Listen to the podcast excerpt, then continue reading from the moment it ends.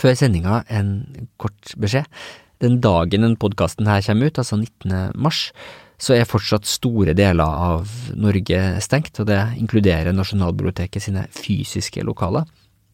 Men en svær del av samlinga til biblioteket ligger åpent tilgjengelig ut digitalt, så du kan lete og lese i bøker, aviser og det meste annet. Bare gå inn på nb.no. Der kan du også spørre om hjelp til å finne det du vil, om du klikker deg inn på Spør Nasjonalbiblioteket. Samtidig så jobber vi som formidler samlinga med å få ut nye og gamle foredrag og debatter på forskjellige måter på nett, og, og lage nye tekster og videoer. Du kan for eksempel abonnere på den andre podkasten som vi lager, NB Arrangement. Så sjøl om mye er stengt nå, så kan du vite at du i alle fall har Nasjonalbiblioteket hjemme hos deg sjøl. Det var det. Nå til sendinga. Du hører på gamle greier.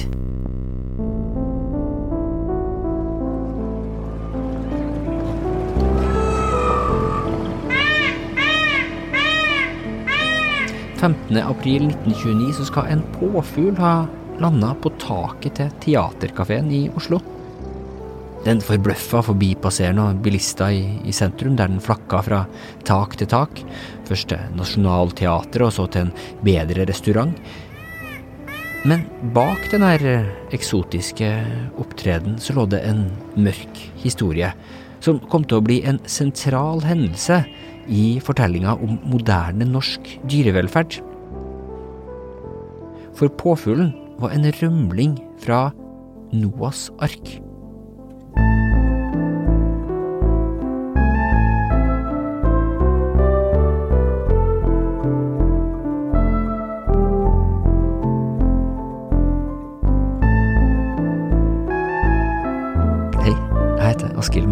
Matre og jeg sitter her som vanlig i kjelleren under Nasjonalbiblioteket og mekker på denne podkasten. Det er veldig tomt her i bygget i dag. Jeg har ikke sett en levende sjel mellom reolene og i, i, i trappeløpene. Sjøl har jeg sprita hendene godt, så jeg tror det her skal gå bra. Men det stedet jeg skal ta deg med til i denne episoden, der er det langt mer enn antibac som skal til for å få bort skiten. Denne lukta av sild blandet med en sånn lodden, varm lukt. Eh, lukten av dyr i bur.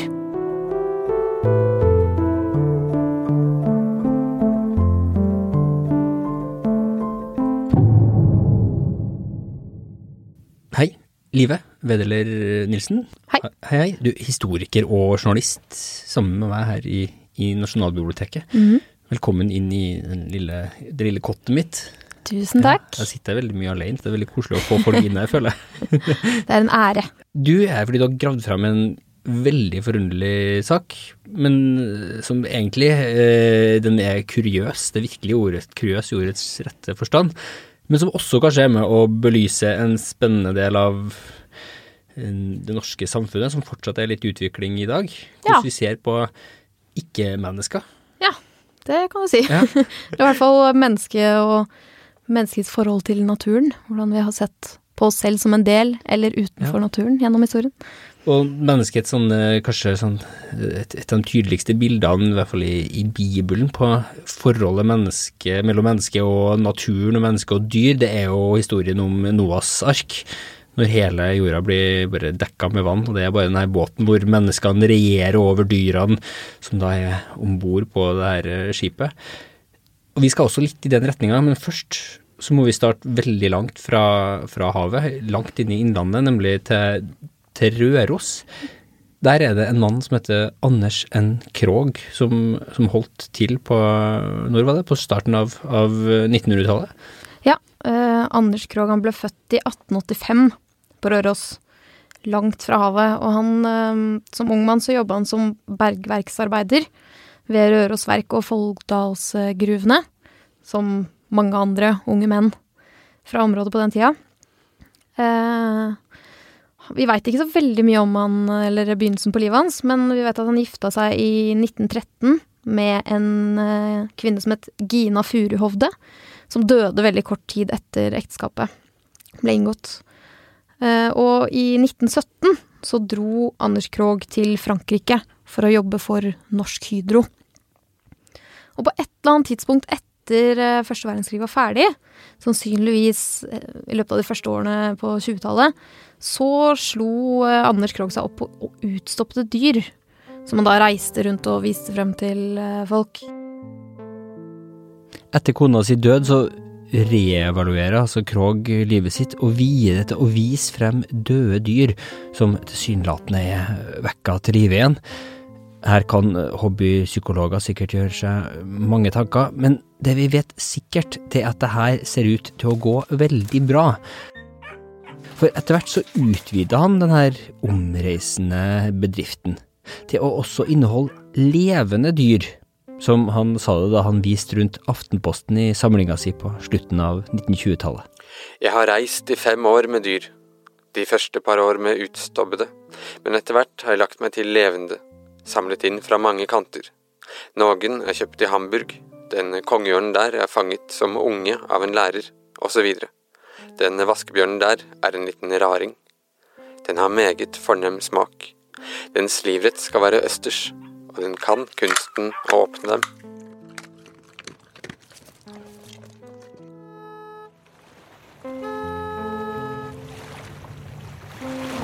Og så i siste halvdel av 20-tallet, eller sånn midten på 20-tallet, så begynner ryktene å gå rundt omkring i landet om det flytende menasjeriet til kaptein Krog, som huser alskens eksotiske dyr, og som reiser da på turné opp og ned langs eh, norskekysten med, med alle disse eksotiske dyrene som folk flest i Norge aldri har sett og så vidt har hørt om.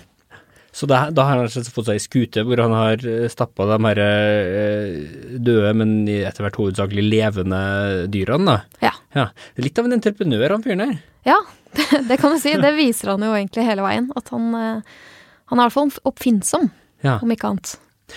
Men hvordan, hva vet vi om denne skuta, da, som etter hvert får navnet Noas ark? Mm. Det er noen uh, beskrivelser av den, og det kan godt hende at det var flere båter, at han bytta ut båten underveis ettersom han fikk flere dyr.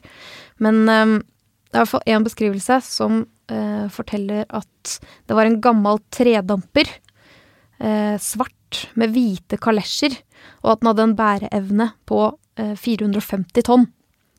Eh, jeg er ikke noen båtekspert, så jeg veit ikke hvor stort det er, men jeg regner med at 450 tonn, det er jo ganske mye. Det, det er plass til en del, da. Og, og den her reiser da opp og ned langs norgeskysten og blir etter hvert et slags sånn der flytende landemerke, virker det som, hvis man leser i avisene, altså at den er et slags sånn noe man kjenner igjen i bybildet når den kommer inn og, og anker opp på ei brygge i nærheten av, av, byen et eller annet sted? Ja, den, den, dukker opp i avisene ganske hyppig. Noas ark rommer over 150 forskjellige dyr og fugler, sånn som løver, leoparder, ulv, hyener, bjørner, slanger og krokodiller.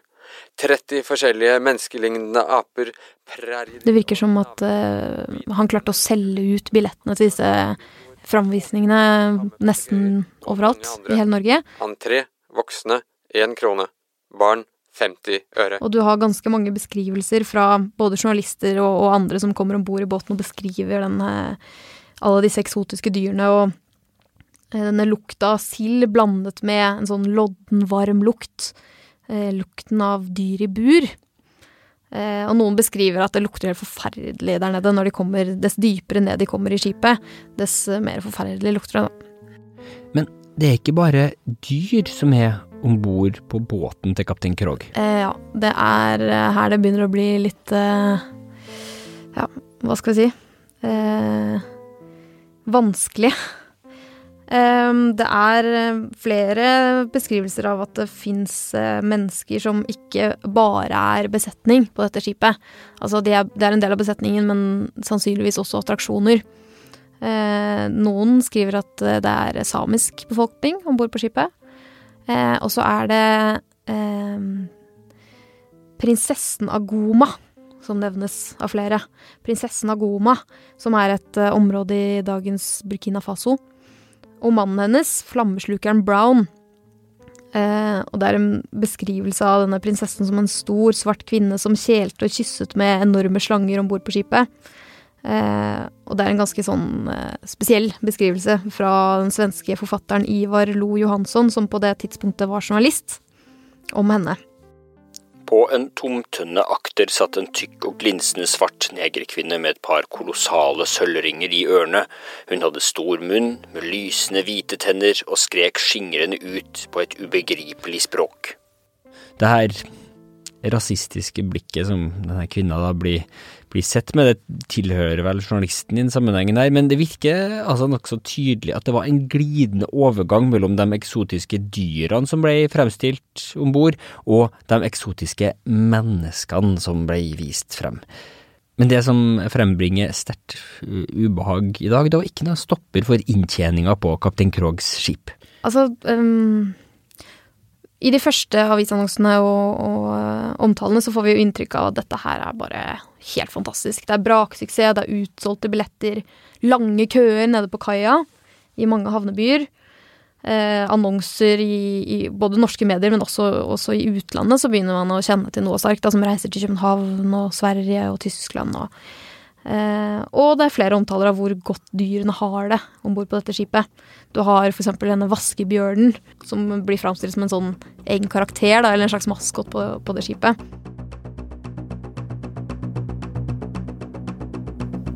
Men etter hvert så dukker det opp noen tegn på at alt ikke sårer vel inne på arken. Flere av dyrene forsøker å stikke av. Det første er, eh, er ponnien. Her omtalt i Firda Folkeblad i juni 1930. Noas ark, som vitja Naustdal mandag, var om natta ute for en liten episode. Med det en ponni som hadde tilhold på dekk, så sitt snitt til å stikke av. Og bli funnet eh, sammen med noen sauer og hanka inn litt seinere. Eh, og så har du påfuglen, da. Her fra en notis i Arbeiderbladet. Påfuglen fra menasjeriet Noas ark hadde lørdag og søndag tatt seg ferie. Den holdt seg på takene til Teaterkafeen og Nationaltheatret, hvorefter den besøkte Humlen for å ta seg en bedre middag. Der ble den knepet og ført tilbake til sine søsken. Vi leser om tigeren som har mista all livsgnist og ikke beveger seg. Og den aggressive isbjørnen som i København biter av to fingre på en restauranteier som prøver å mate han med, med bananer.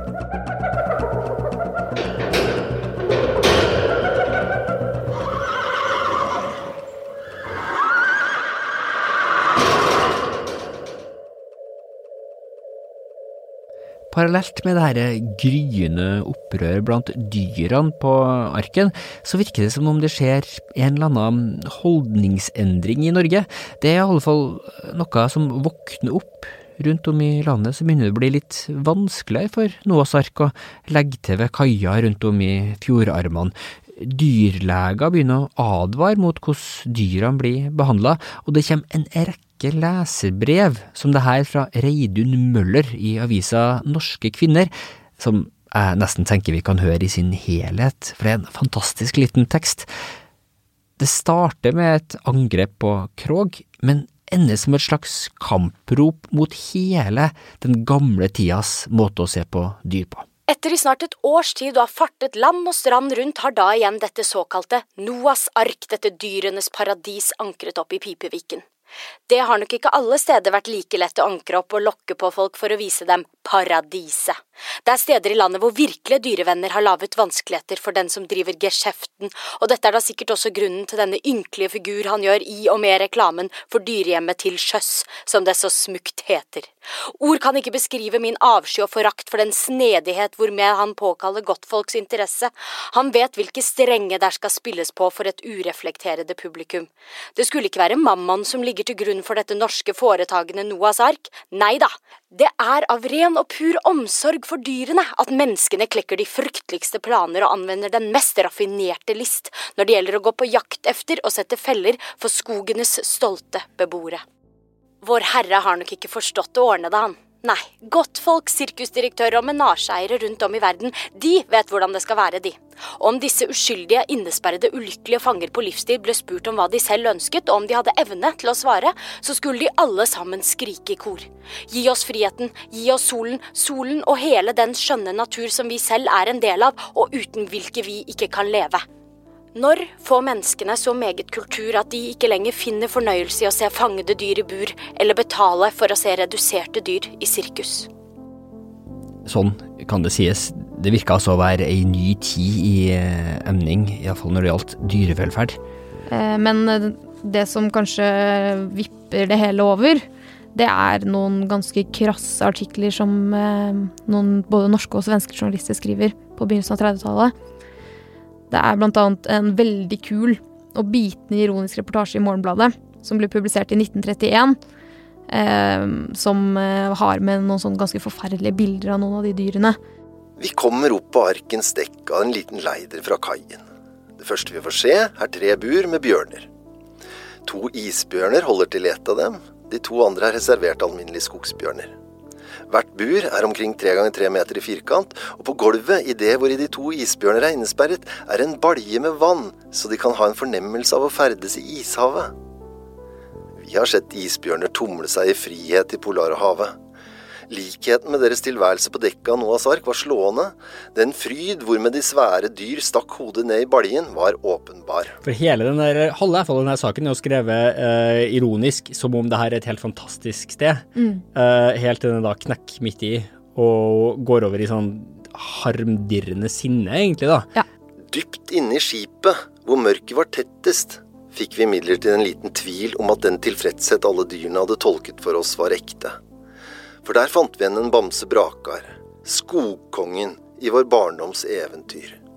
Vi sto og tittet på den så godt mørket tillot uten at den la merke til oss. Den lekte med en svær kule av tre. Men plutselig fikk den så øye på oss. Med et byks for den så mot burets innerste og la seg trett ned på gulvet og stirret på oss med store, blanke og angstfulle øyne. Tvilen våknet. Var skipet Noas ark? Eller er det hele et brutalt dyreplageri, uverdig å se på for mennesker? Skulle ikke vi gjøre det samme som våre venner på den andre siden av kjølen? Burde vi ikke jage arken og hele en sleng av dyreplager ut av landet? Burde vi ikke befri våre landsmenn, ørnen, bjørnene, isbjørnene og reinsdyrene? Eller sende de over i de evige jaktmarker før de slepes med på jordomseiling? Og det starter en ganske stor debatt, eh, både om dyrevelferd og hvorvidt man skal tillate den typen menasjerier og sirkuser i Norge i det hele tatt, da. Og etter hvert så blir Krog dytta opp mot veggen. Han må i økende grad forsvare seg og, um, og være deltakende i den offentlige debatten. Han kan ikke bare late som han ikke hører disse mm. dyrevernerne, mm. fordi de, eh, de roper høyere og høyere, og flere og flere kaster seg på den debatten. Her er et svar som Krog kommer med til et angrep som blir retta mot han og en av kompanjongene hans i Bergens Tidende. De skriver at det er sikkert at barmhjertighetsfølelse er jeg, eieren av Noas ark, ikke i besittelse av, og de taler så strengt om barmhjertighetsløshet. Så kommer deres oppriktige tilståelse om at få Hagenbekk og meg i bur, ja, hvilken barmhjertighet, men så formener de at dyrene kanskje ville hatt medlidenhet med oss og sprengt gitteret. Det er ikke klokere, det. De kloke sier kom bare med argumenter. Gud vet at jeg føler medlidenhet og barmhjertighet med dem og deres måte å føre argumenter mot dem selv på. Det virker altså tydelig som om Krog, som, som i det innlegget her, er nokså pressa og kanskje ikke helt klarer å møte sine motstandere med like velbegrunna indignasjon som de møter han med. Men det ser ikke ut til å stoppe publikum. Først i 1934, altså fire år etter at denne store dyrevernsdiskusjonen blusser opp, så går Noas arks seilas mot en katastrofal slutt. For det er ikke noe regnbue og ararat som venter dyrene om bord. Ja, slutten er jo Det blir ikke den flukten som vi håper på. Alle dyrene bryter ja. ut og rømmer ut i og byen lever, og ja, eh, kommer seg tilbake dager. til villmarka, ja. ja. Nei, dessverre. Um, Noahs ark forsvinner litt fra avisene etter 1934. Uh, eh, og det virker å være uh, på grunn av en ganske krass reportasje fra han Ivar Lo Johansen, som vi snakka om tidligere. Eh, det virker å være spikeren i kista. For han, eller han sier i hvert fall det selv da, i sin selvbiografi. Hvorvidt det var andre faktorer, det, det kan det òg være. Men uh, Han beskriver eh, i detalj hvor forferdelig noen av disse dyrene har det. Eh, og eh, da, neste dag, etter at han har publisert både et kåseri og en artikkel i svensk presse, så aksjonerer politiet. Og eh, skipet blir fratatt Krog, og dyrene blir satt i isolasjon eller avlivet. Så etter all sannsynlighet så gikk det ikke så grusomt bra med verken påfuglen eller ponnien eller vaskebjørnen? Nei. Nei. Eh, så er det en sånn ganske pussig beskrivelse av at Krog og kannibalprinsessen, som eh, han omtaler eh, prinsessen Agoma som, forsvant i en røyksky, angivelig for å slippe å betale en bot, da.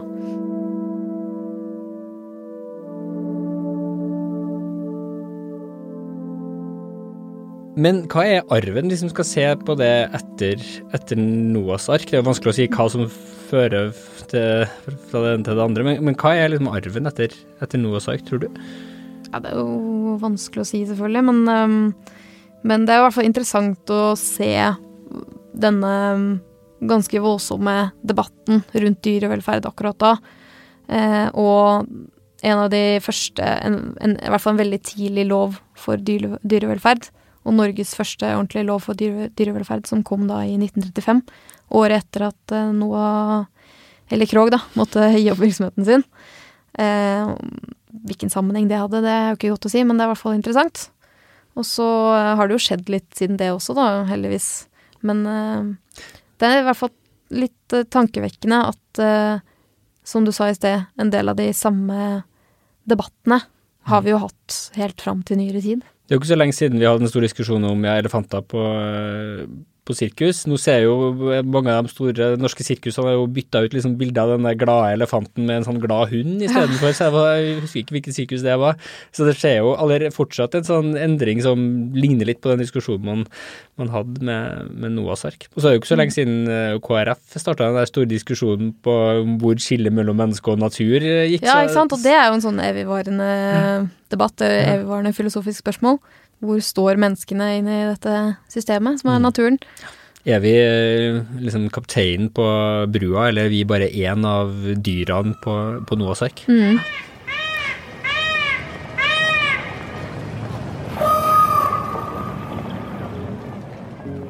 Etter at Krog i hu og hast forlot menasjeriet menageriet sitt, så er han altså ikke lenger å finne i noen skandinaviske havner. Resten av besetninga virker å være borte i historiens tåke for, for godt. Prinsessen Agoma vet vi ikke noe om, eller noen av de andre på besetningen har i hvert fall ikke jeg lykkes å finne noe særlig spor av. Men Krog sjøl er det mulig å lete seg frem til. Langt, langt fra havet. Han havna tilbake der han bodde før kona hans gikk bort, før de utstoppa dyrene og den østersspisende vaskebjørnen. Han flytter hjem til Røros. Og slår seg opp på annet eiendom. Han kjøper en del eiendom i Røros. Han fikk seg en, en, stor villa hvor han bodde frem til sin død i 1948. Den står der fortsatt i dag og, og går fortsatt under navnet Arken. Men han fortsatte med litt sånn sirkusaktig eh, aktivitet også i Innlandet. Underfundige oppfinnelser, fremvisninger av de og, og litt sånn um sensasjonsvirksomhet også i Røros, da. I 1938 for eksempel, så, så husa han på en av tomtene sine det som ble kalt for Dødsdromen. Hvor syklonrytteren kjører rundt på sin motorsykkel på loddrette vegger i en svimlende hastighet fra 50 til 100 km i timen. Så han hadde altså gått over til å la mennesker og ikke dyr være fanga i en dødskamp for å underholde publikum og det er kanskje bedre.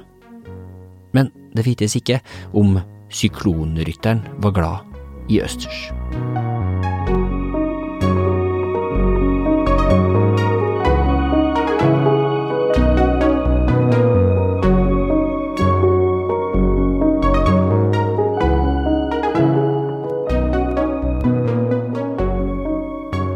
Denne episoden er basert på en artikkel som Live Bedele Nilsen har skrevet, og den finner du inne på nasjonalbiblioteket.no. Bare let deg frem til historier fra samlingen. Og der finner du også linker til de her gamle avisartiklene om Noahs ark som vi nevner. Og det er egentlig noe du sjøl kan gjøre nå om du har litt ekstra tid og ikke får lov til å gå ut døra.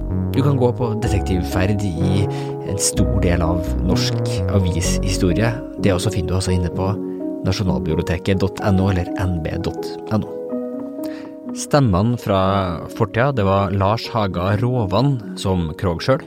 Den harmdirrende Reidun Møller var lest av Emmy Henriette Netka. Morgenbladjournalisten var Trond Haugen, og notisene om ponnien og påfuglen på vift var lest av Nina Brein og Tamara Jones. Musikken til Gamle greier den er spesialkomponert av Therese Aune. Om du som meg liker den, så finner du mer av hennes musikk i en strømmetjeneste nær deg. Før jeg går, neste episode av Gamle greier, det er starten på det jeg vel kanskje tenker på som denne første sesongens høydepunkt. En miniserie som handler om et av andre verdenskrigs glemte supervåpen nemlig hørespill. Out of my way! No Nazi shall ever touch my child. Be careful, Lon! You're going to pay for this, you Norwegian dog. I'll shoot you down myself right now. Og sannheten bak de forbløffende historiene som de allierte og nazistene dikta opp i studio. Ida Berntsen er redaktør for Gamle greier. Jeg heter Askild Matre Aasarød. Vi høres.